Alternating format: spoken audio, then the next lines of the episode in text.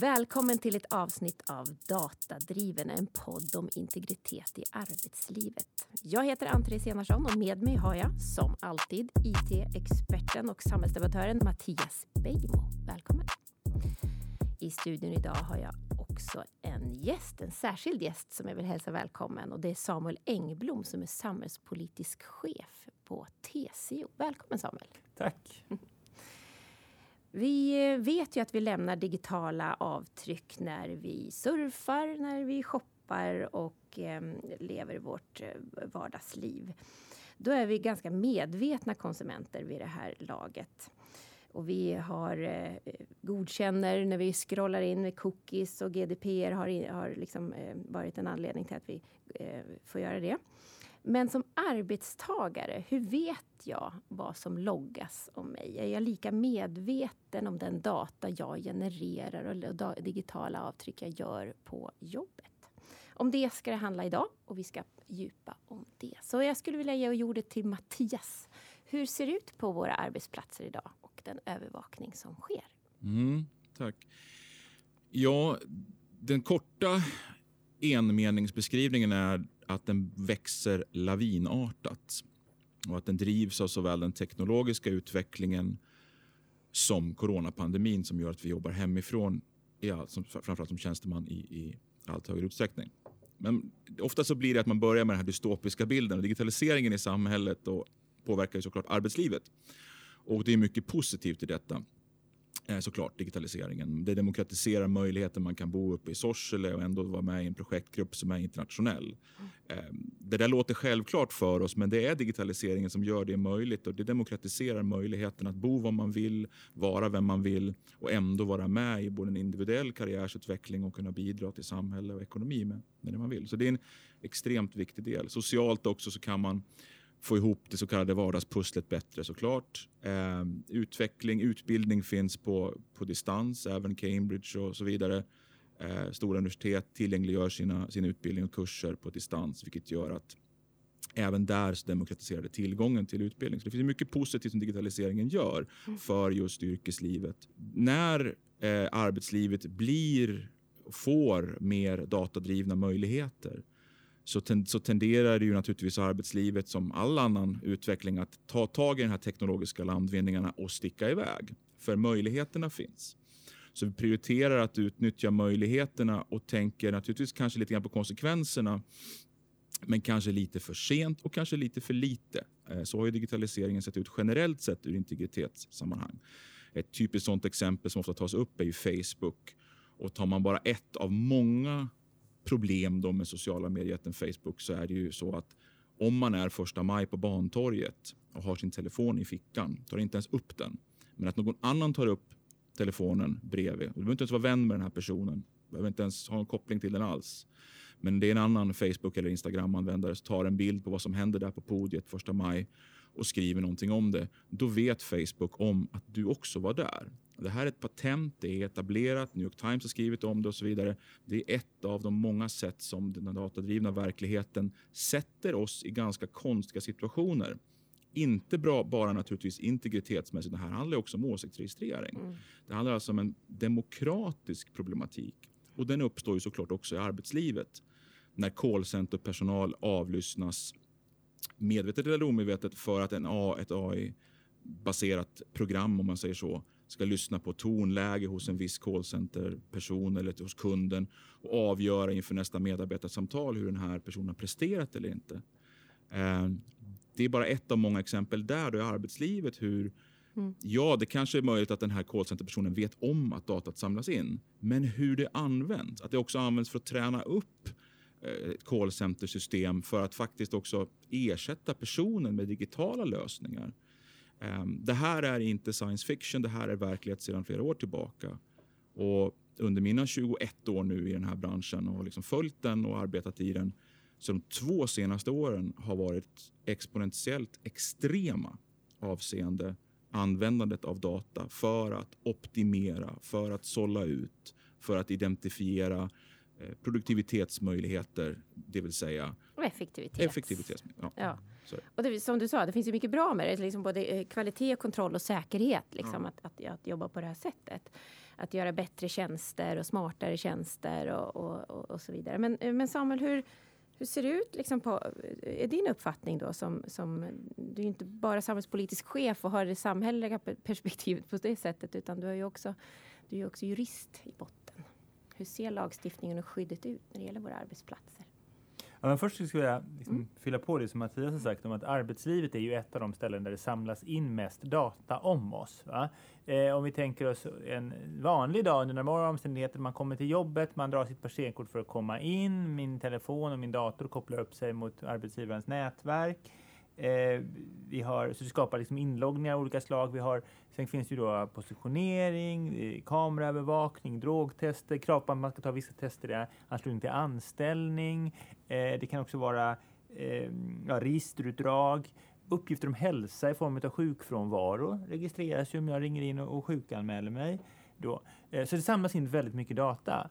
Eh, och de här datan lagras i, eh, dels i en del sådana datasystem, någonting som IT-avdelning har, som ingen riktigt, riktigt förstår, eller IT-avdelningens underleverantör eller i en molntjänst eller på en server i Serbien. Eh, eller eh, i sådana här system som vi kanske alla känner till att arbetsgivaren har, som våra lönesystem och sånt. Och apropå det här med sjukfrånvaro, den finns ju, den finns ju registrerad där och det är ju en jag menar, hälsotillstånd är en uppgift som anses vara väldigt integritetskänslig. Så det, det, typ... Ja, men tänker på min, det är jättesvårt, en, eller idag är det lite lättare, men det har ju varit fullkomligt omöjligt att se sin egen journal ens en gång annars. Mm. Mm. Men däremot så går det, alltså du kan ju, det här var något vi uppmärksammade för några år sedan, att det faktiskt går att få ut eh, ett, ett intyg på din egen sjukfrånvaro. Och det är kanske någonting du vill visa upp för en för en potentiell arbetsgivare eller en potentiell arbetsgivare vill kräva för att veta hur mycket du är sjuk. Ibland, jag kommer ihåg att i samma sammanhang så pratades det om det här med att arbetsgivare skulle ta DNA-tester och sånt. Eh, och du säger att men det finns ju, om arbetsgivarna vill veta hur mycket folk är sjuka så är det då tyvärr jätteenkelt för dem att få reda på det idag. Och det finns inget förbud för en arbetsgivare att kräva den typen av information mm. i samband med anställning till exempel. Eh, eh, så det skulle kunna vara ett väldigt effektivt eh, sållningsinstrument. Jag tror det var en undersökning som Handelskammaren gjorde där det var arbetsgivare som, som i stort sett sa att nej, de kände inte till den möjligheten, men när de gjorde den så lät ju det spännande. Så det, menar, det, det, ska man vara medveten om. Mm. Men sen är det ju här, den här datan, vi går in på det som har hänt på senare mm. år, att, att den här datan lagras och så har vi blivit, dels har vi blivit bättre då på att eh, få ett bättre verktyg för att behandla den här datan, samköra olika variabler, liksom ta stora datamängder och liksom kunna göra saker med dem på ett sätt som inte var möjligt tidigare. Och så har den här datan fått ett ekonomiskt värde. Eh, alltså det, du kan ju sälja den här typen av data till en annan part också. Det är ju en annan sak som, som, som, som har tillkommit. Och sen kan vi då säga att det finns en, en, en del, eh, också det faktum att, att man samlar, det finns en annan risk som är att man samlar in så här mycket data, att man kanske tror att man kan styra mer än vad man kan. Att man, man tar den här datan och så försöker man, ha kolla här, nu ser vi hur, hur ser flöden ut i vår verksamhet. Och om vi skruvar lite här och skruvar lite där så kommer det här. Och det kan ju påverka eh, hur man organiserar arbete. Och det är inte nödvändigtvis så att det blir rätt eh, då, bara för att man har en, en, en, en, Det är lätt för en konsult att komma in och klä sina argument i siffror mm. på ett sätt som kanske inte gick tidigare. Men det behöver, själva analysen behöver inte vara mer rätt för det, liksom grundtanken i det. Mm. Nej, men har jag, jag tänker på det här, jag, jag fastnade väldigt mycket på det här sjukintyget. Då. Ja. Har, vi, har jag gett mitt samtycke någonstans? Har jag, liksom, jag vet att du och jag skojat om det tidigare, men finns det en ruta i anställningsavtalet där jag avhänder mig all möjlighet och fullständig insyn i alla mina personuppgifter och persondata som jag genererar här? Så här, jag tror att här rättsligt här så, nu, och, ja. och det som det kommer vi komma till att juridiken här är ganska komplex mm. eh, och ganska oklar. Och då kan man säga så här, det finns ju saker som du eh, samtycker till eh, genom att du ingår ett anställningsavtal som anses ligga i, liksom, du har en lojalitetsplikt mot arbetsgivaren, arbetsgivaren har en arbetsledningsrätt, där ligger en del saker. Mm. Eh, sen så finns det i, liksom då, eh, redan i gamla PUL men även i GDPR. Det finns ju saker, det finns ju ändamål för vilka man får behandla personuppgifter och det kan ju finnas just fullgörande av avtal och sådana här saker. Så där, där kan ju en del av det här komma in då eh, under sånt. Eh, eh, men sen har vi då frågan om samtycke och den är, i arbetslivet är den ganska komplicerad och det är en, en av våra här, vår främsta kritik av den situation vi har idag, det är att man eh, eh faktiskt får behandla eh, Datainspektionen har kommit fram till att man får behandla personuppgifter i arbetslivet baserat på samtycke. Och egentligen för att ett samtycke ska vara ett riktigt samtycke, då ska du kunna dra tillbaka det samtycke utan att det får några negativa konsekvenser för dig. Det ska verkligen vara, jag väljer att ge upp de här. Men då har det varit en del fall där, där eh, man till exempel har använt eh, fingeravtryck för eh, för stämpelklockor om man ska förenkla det hela. Okay. För, som ett sätt som gör att man inte ska kunna stämpla in och ut för varandra. Mm. Så det har funnits en misstro mot, mot, mot arbetstagarna. Man tror att de gör något sånt här och då så har man infört det. Eh, och det är ju biometriskt, så det är jättekänsligt. En biometrisk uppgift är jättekänslig. Eh, eh, och då eh, och, där, och tänker att, att men du drar du tillbaka det. Så här, det här har arbetsgivaren infört en sån här och då säger man det är inte. Mm, ja, det är frivilligt ju. Men drar du, du säger nej, jag vill inte vara med på det här systemet som arbetsgivaren har infört för att motverka fusk Mm. Ja, vad skickar det för signal? Ja, mm. Det gör du inte om du är visstidsanställd. Så det är en typisk sån sak. Sen kan det också vara så att nej, jag vet nu att, dat- att arbetsgivarens datorsystem eh, loggar massa saker om mig, om när jag är inkopplad och hur, jag, hur mycket tangentnedslag jag gör. Om jag säger nej till den, då kan, jag ha, då får du, kan du inte vara en del av arbetsgivarens datasystem. Ja, kan du då utföra några arbetsuppgifter? Så att den här samtyckessituationen den blir liksom inte äkta. Nej, för man är ju, en, så, ja. Som säger, du, du tydliggör ju tydligt också när du använder visstidsanställningen som ett exempel så blir ju beroendeställningen mm. så mm. otroligt tydlig. Ja. Är det ens en gång, ens, ens en gång skulle jag säga realistiskt med liksom något samtycke? Och Nej. Nej, och det är ju det. Och, man, och, resten av arbetsrätten kan man säga, arbetsrätten bygger mycket på att det finns det här beroendeförhållandet då eh, och att arbetsgivaren har den här arbetsledningsrätten. Och därför så är inte arbetsrätten konstruerad på att du kan samtycka till massa saker. Den är ju egentligen en begränsning av, av saker som vi kan samtycka till att en arbetsgivare, att arbetsgivaren gör. Eh, så det har ju varit en del av vår kritik mot den. Och vi har ju sagt att vi skulle vilja se en särskild lag om integritet i arbetslivet som hanterar just integritetsfrågor i arbetslivet. Sen ligger ju idag, vi har GDPR i botten, vi har en del flexvis rättspraxis. Då. Är du offentligt anställd har du starkare skydd eftersom regeringsformen sätter gränser för vilka integritetskränkande liksom, saker som eh, det offentliga då, alltså staten, staten och kommunerna får göra mot dig som medborgare och det gäller även i ett anställningsförhållande. Men är du privatanställd så gäller ju då inte de begränsningarna. Så det är en väldigt komplex situation samtidigt som vi har en snabb teknikutveckling eh, och det gör ju att det uppstår mycket frågor om vad man får göra och inte får göra. Och jag tror att mycket sker utan att någon egentligen Eh, reflekterar så mycket om juridiken kring det. Ja, och det var lite det jag började idag. Jag blir, eh, för, alltså, nu, du, du målar upp ett landskap som, som, som är och, och, och, medger då, även om du är väldigt insatt, liksom, att det är ett komplext landskap. Och så tänker jag, jag gör ju reflektioner till, till pensionslandskapet som är minst lika komplext. Det stannar vem som helst på stan och de kan inte förklara hur det går till. Och det är också så här, en frustration lite grann för mig att vi går in i, liksom, i, i, i övervakningssamhället och vi vet inte. Vi kan inte och vi förstår inte ens vilken data som samlas in och genereras och kan användas. Nej. Hur ser du på det? Nej, men det finns ju ett uttryck som på engelska kan nog inte de bra svenska översättning, men the, the road to hell are paved with good intentions. Jo. Och lite grann har vi ju sett, jag menar det gäller då Facebook, Google etc. Så det, det behöver inte vara att någon har ett eh, elakt eller ett eh, Orwellskt uppsåt. Nej, nej i det. Och samma sak är det nog väldigt mycket kring den här datainsamlingen och data. När man säger behandla i GDPR. Men vad menar man med behandla? Det? När man började samla in för att behandla då tänkte man på en grej. Det var att man skulle ha in mejladresser och skulle man ha ett nyhetsbrev som företag skickade ut och då skulle man vara duktig på att sköta när man skickar ut det där och så vidare. Så förknippar ju många företagsledare idag GDPR, det är mejladresserna. När man samlar in dem och så ska man, oh, måste vara försiktiga, godkännande och så vidare. Mm. När det egentligen handlar om så mycket mer mm. datapunkter och behandlingen är så mycket mer avancerad. Och transparensen som jag tror du är lite inne, eller, som vi är lite inne på här. Transparensen går ju förlorad i att vi har ingen möjlighet, ens som företagsledare, mm. att fullt ut förstå vad som händer på den här servern i Serbien eller Nej. USA eller Kina till och med. Ja. Alltså, hur sker den behandlingen? Därför den utvecklingen sker under huven. Det är själva konkurrensfördelen för de här företagen när de konkurrerar med varandra. Att bli bättre och bättre och bättre på att ge så smarta grafer som möjligt i de här mm. styrelserummen. Och då sitter chefen i styrelserummet eller ledningsgruppsmötet och ser fantastiskt intrikat bra information om hur teamsen arbetar. Det där går sämre än det och så vidare. Och är jättelycklig för det. Och funderar inte på och har inte kompetensen eller möjligheten att fråga men hur kom vi fram till det här? Hur sjutton vet vi så här detaljerat om eh, Ann-Therese hur hon arbetar liksom, och hur, hur, hur, varför hon inte presterar i de här sammanhangen och så vidare. Hur vet vi det här? Mm. Det ställ, den frågan ställs inte. Ibland ställs den inte för ett on the need to know basis kanske, man vill inte veta. Men ofta för att ja, det ser, graferna ser ut som tidigare, men datan bakom är mycket mer kraftfull. Mm. Det är jättesvårt att vara helt enkelt. Det är, det är lite lättare idag att vara en medveten konsument, för vi godkänner cookies som jag sa nu i början.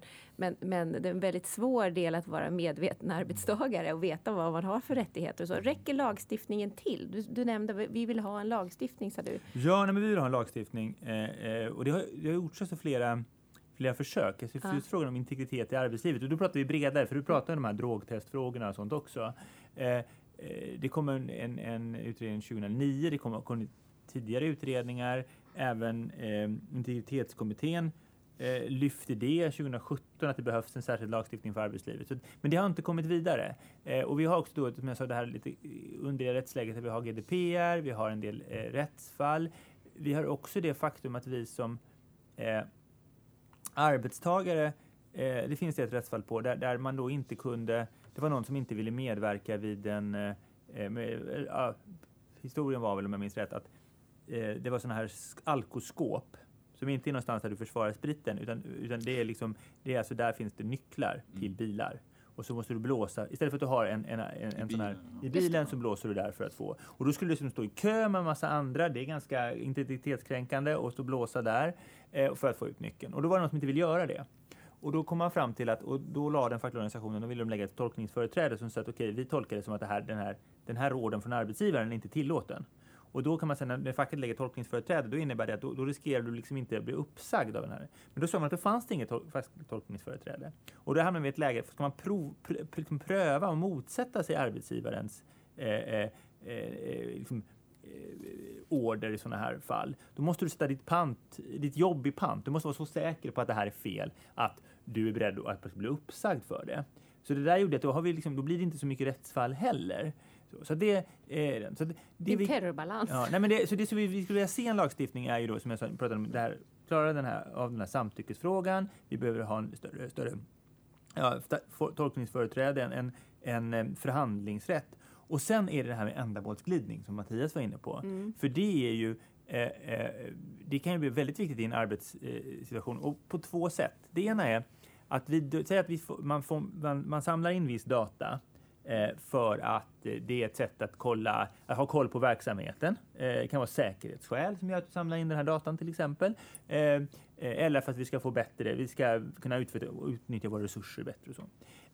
Men så hamnar vi i en situation där man vill säga upp en person. Och tyvärr är det så att ibland när man vill säga upp en person av personliga skäl, då börjar man leta skit. Man börjar, vad finns det på den här personen? Mm. Och då, om den datan plötsligt används av det, då har det skett den här ändamålsglidningen. Exakt. Så då skulle vi vilja skruva jättenoga i vad du får använda data till och inte. Eh, och dagens, alltså dagens instrument bygger ju på att, att, att, att alltså, mycket ofta på en ändamålsglidning. Det här när du kan komma på något nytt som du kan göra. Innovation. Ja, innovationen alltså, är ju att använda ja. data på nya sätt. Va? Ja. Så då blir det jätteviktigt. En annan risk som jag tänker med ändamålsglidning, det är ju faktiskt att datan blir dålig. Du tog det här exemplet med callcenter och att man, man, man eh, eh den, om du vet det som callcentermedarbetare, att det finns ett system här som triggas av vissa saker då kommer du inte göra dem, eller du kommer mm. att göra dem. Ja. Alltså människan anpassar sig. Vi kan se det i en del eh, verksamheter, om du mäter ett visst mål mm. eh, eh, under en period. Du mäter alltid någonting, men sen så målsätter du det under en period och då förändras eh, liksom datan. Och det beror dels på att människor ändrar sitt beteende, men också på att det blir noggrannare att mäta. Man ser till att man att du registrerar på ett sätt som blir bra för, för, eh, eh, liksom för att det ska, eh, så, att det blir, så att du får ett bra utfall. Va? Så att mm. människor anpassar sig. Och där är det ju så att, att eh, en risk som jag tror att många måste tänka på att, att om, man, om man använder sig av ändamålsgliden data då ska man nog vara lite så försiktig med vad det är man har, vad, det, vad är det egentligen eh, man mäter. Och, och också om människor blir medvetna om den här ändamålsglidningen, då kanske det inte om man vet att den här datan kan komma att användas mot mig i ett annat läge, då blir jag ju mycket, kanske inte lika ärlig i det jag registrerar eller i mitt beteende som registreras i första läget. För jag vill inte att det här ska användas mot mig och då blir den datan mindre värd för det som den var egentligen var tänkt för. Ja, det blir bugg i hela... Ja. ja. Precis, eh, och det är ju jätteintressant därför att vad, vad, gör man som arbetsgivare då? Då blir man mindre transparent. Mm. Då ser man till att mäta eh, utan att tala om exakt vad man gör såklart för att det, man märker att det påverkar. Och det, det här har jag ju varit med i mitt liksom, yrkesliv att titta på att när man försöker få både kvantitativa och kvalitativa data, då gäller det ju att försöka så gott det går göra det här i lönndom, för annars blir folk påverkade. Om man säger till någon så här, nu ska vi lyssna på alla dina callcentersamtal den närmsta veckan, då kommer de att förändras. Mycket bättre att inte säga någonting och ha en så här blanket, alltså en allmängiltig tillåtelse att samla in och behandla då. En annan del som jag tycker är jätteintressant i det här, som skulle vara intressant att prata lagstiftning kring, mm. det är ju att data från ett eh, telebolag i Sverige och ett annat telebolag i Norge och ett tredje i Finland från de här callcentersamtalen används ju för att träna ett AI som sen säljs till ett telebolag i Danmark. Så att alltså hur de här samtalen funkar och inte och vilka tonlägen som verkar ge bra resultat i, i problemlösning eller sälj eller både och Eh, det samlas in och tränar ett AI som sen det här företaget har tränat upp och sen går man till den fjärde kunden då i Danmark och säger att vi har ett jättevältränat AI här som ni kan få köpa. Då har man alltså använt de anställdas data, persondata, för att skapa sig själv som företag en konkurrensfördel mot en, då, i det här fallet, annan part. Och då är det ju intressant, har man gett samtycke till det? Och det här är en extremt vanlig practice, alltså ett vanligt sätt att använda AI. Det vill säga man måste träna AI på någonting. Och då när man säljer den här programvaran, ja då antingen så, så är kunden omedveten eller okej okay med att man gör på det här sättet. Eller så, så ger man kunden en rabatt för att använda datan för att träna annat. Det här är ju väldigt vanligt hos stora företag som Google, Microsoft och så vidare. Mm. Men också jättevanligt i andra företag som Genesis och så vidare. Och det här blir också en intressant både juridisk frågeställning men naturligtvis också en etisk där. Är jag okej okay med som anställd att träna ett AI för det här företaget för att det ska sen säljas för att ta över callcenterjobb, ersätta callcenterjobb i Danmark? Um, där är det intressant att se hur lagstiftningen vill, om den vill reglera den. Alltså rättsligt beror man ser på det, om vi bortser då från typ GDPR i det här sammanhanget, alltså där, vad har man sagt att datan ska användas mm. till? Men annars är det ju så att det som jag producerar i min tjänst, det äger min arbetsgivare kan man mm. säga, enkelt sett. Ja. Sen finns det ju sådana här undantag, jag menar, eh, det finns ett forskarundantag och lite sådana här ja, saker. Immateriella eh, rättigheter. Ja. Sen har ju det, det har ju inom TCO, eh, bland annat Teaterförbundet, mm. som är ett förbund. Och där är det ju det här med vidareförsäljning. Alltså mm. du, har ett, du medverkar i en produktion och sen kan det vara så, okay, och sen så säljs den till fler länder. Då kan det vara att du får en ersättning. Mm. Så. Det är ju lite spännande i det här fallet då, ja. att skulle, någon, någon, ekonom skulle säkert säga, ja men då måste man, får man ju prisa in det i deras löner då, att det här, Exakt. det potentiellt det de gör skulle kunna gå vidare. Eller det som kan ju vara, tror jag att ur ett samhällets perspektiv kan ju vara det är om det sitter ett gäng och tror att de gör en sak. Mm. Säljer eh, eh, kontorsvaror ja. till kommuner. Men i praktiken gör något helt annat. Det vill säga eh, tränar upp en, en AI. Eh, det, det, den, där finns ju någonting som handlar om förtroendet mellan arbetsgivare och arbetstagare som kanske går bortom det här det rent rättsliga. Precis. Och det, det, här händer ju precis idag. Alltså det är ju mycket mer värdefullt egentligen att på sikt träna upp någon form av bot eller någonting att svara på de här ganska ofta generiska frågorna från till exempel eh, abonnenter av teleabonnemang eller dataabonnemang. Att, att använda datat för att träna upp den är ju kanske mycket mer värt för arbetsgivaren och för tredjepartsföretaget än att se till att försöka optimera vad någon säger i telefon. Så det här är nog ett faktum redan, eller det är ett faktum redan idag att man, man, man, den långsiktiga vinsten ligger där. Vill man ha acceptans för ny teknik så är det ju två saker som jag tror man ska tänka på. Dels då det här att, att just att människor förstår vad den här tekniken ska användas till, att man själv kanske kommer på ännu bättre användningsområden. Det är ju väldigt stor, där finns ju en jättestor innovationspotential här i vardagen, de små förbättringarna. Eh, eh, det är ju det ena. Och det andra är ju det här att man inte känner att, eh, att mitt jobb är hotat och jag kommer aldrig kunna få något nytt jobb. Alltså just det här eh, omställningsmöjligheter, hur vi ser på, på liksom vår, vår, vår, plats på arbetsmarknaden och sånt. Mm. Det det, har man det, jag tror det är jätteviktigt att ha det där om vi vill eh, att Sverige ska vara eh, liksom det land som är bäst på att använda ny teknik. Det är det här jag brukar tjata om. Jag, mm. jag, det, var min, jag det kommer från när jag skulle gå på mitt första möte i regeringens innovationsråd och så liksom skulle man formulera en form av vision. Och då sa jag att vi ska vara bäst på att använda. Och i det här med bäst på att använda ny teknik, inklusive digital teknik, det handlar ju Dels då att vi, vi brukar den på bäst sätt, vi får mest ut av den. Vi klarar människa-maskin, vi använder den till rätt saker till att börja med, så inte till fel saker, vi använder till rätt saker. Eh, vi har bra, eh, men, liksom den här fördelningen människa-maskin sköter vi på ett bra sätt och vi klarar av de här integritetsfrågorna på ett liksom bäst Alltså vi är bäst mm. på att använda Vi använder inte mest eller snabbast eller någonting, utan vi använder den bäst. Men jag tänker så jag vill ändå koppla tillbaka till det du sa. Det handlar om, om tillit. Ja. Det handlar om att vi för att kunna använda den och acceptera den. För att liksom allt från att vi kan prestera på jobbet och det kan generera mm. i liksom, eh, förbättrade utvecklade tjänster.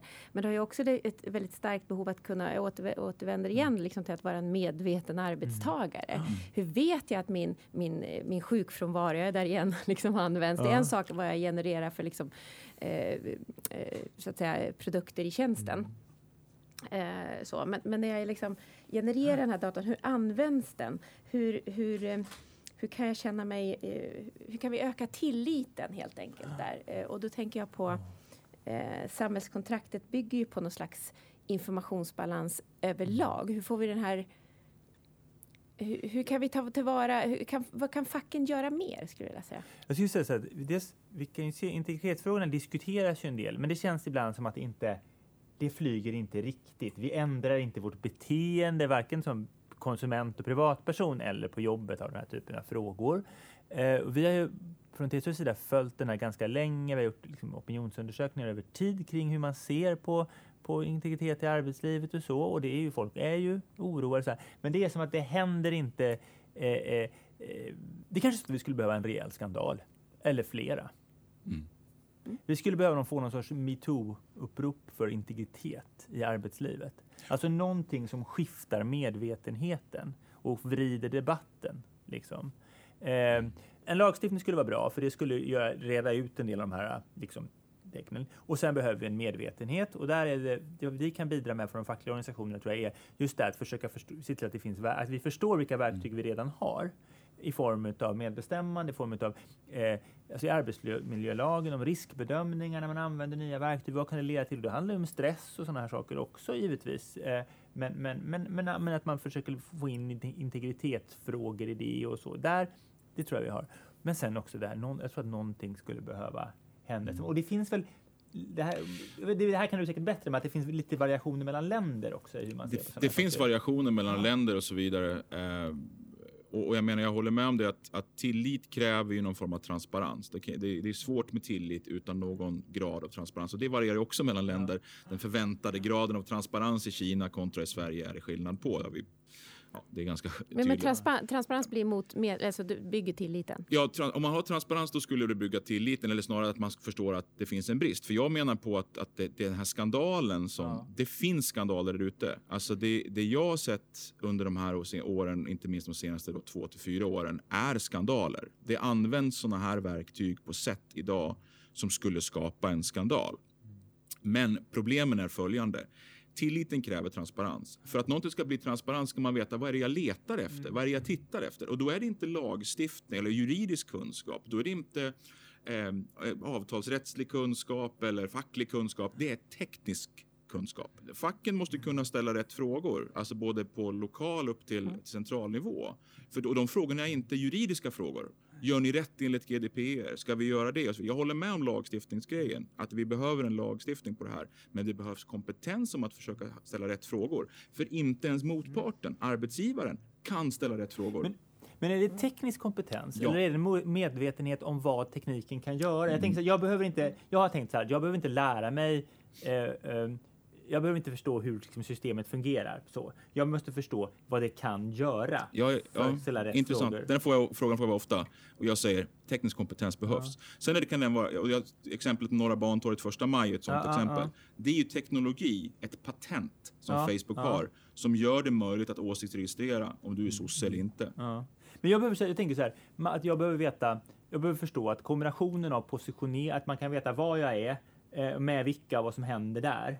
Mm. Den gör att man kan räkna ut en massa saker om mig. Mycket mer än vad, vad, ja, jag tror du ja. vet. Men, mm. men jag behöver egentligen inte förstå, okej, okay, den här, den, det här lagras här och den skickas så och den behandlas i en sån här, alltså... Ja, men bra, bra, bra, ah, bra, nej, bra, bra, bra, fråga. Så här, nej, jag kanske som arbetstagare, som facklig medlem, ska inte behöva det. Men jag litar på att mitt fack gör det. Den fackliga, och det är därför jag brukar kalla det här för samtidens viktigaste Mm. fackliga fråga.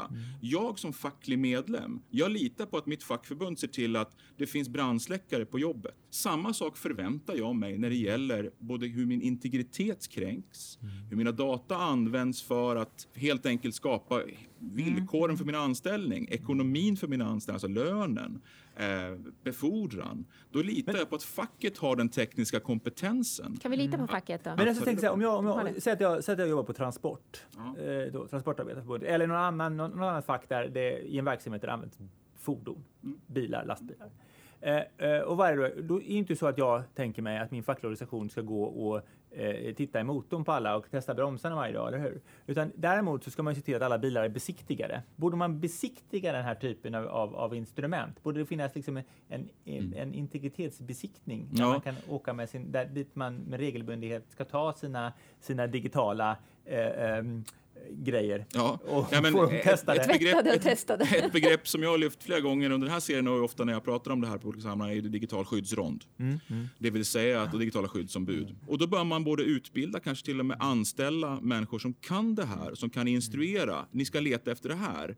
Eller in, in, sätta upp åtminstone spesen för vad vi ska leta efter. För den här besiktningen av det här tänkta transportfordonet du, du var inne på. Ja. det är såklart en besiktning. Men någonstans måste facket influera vad det är man besiktigar. Ja, ja, ja, ja. För jag menar är- bromsar och så här fundamenta för en lastbil. Men sen är det ju då sittställningen, eh, lastmöjligheter och så vidare. De rätt eller de ar- för arbetsskador jätteproblematiska. Så att där måste ju facket kunna säga, men det är de här kraven, den här besiktningen. Det är ingen vanlig besiktning och trafikbesiktning, utan det är en speciell besiktning. Eh, och sen har vi ändamålsglidningen då. Som gör att det här är alltså ett, ett, ett rörligt mål. Ja. Det vill säga att det vi idag nu, om vi sätter oss idag och besiktigar hur arbetsgivare använder det här, de här programmen. Då är det gör de? inaktuellt imorgon. Då är det inaktuellt imorgon. ja. Så det här är också en, en utmaning som rör sig hela tiden. Att springa, kapp, äh, springa jämsides med teknikutvecklingen. ja, spring, och man kan ju bara, egentligen springa före är inte så problematiskt som man kan tro. Därför att det är man kan springa, definitivt springa i kapp och i vissa fall tror jag man kan springa före. Jag tror man, man faktiskt som fack kan leda det här. Jag tror man kan, som du var inne på, att, att, att använda det här på bästa sätt. Där kan facken vara så okej, vi ska använda det på bästa sätt.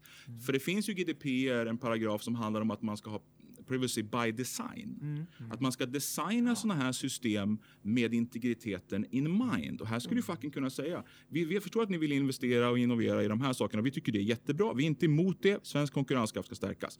Men det står i GDPR Privacy Ja, by ja, design. så att, finns det ett annat sätt ni kan göra det här, nå samma resultat Mm. som inte skickar datan till Kina och, och den AI-processas där eller skickar den någon annanstans och den används på x, y, z sätt.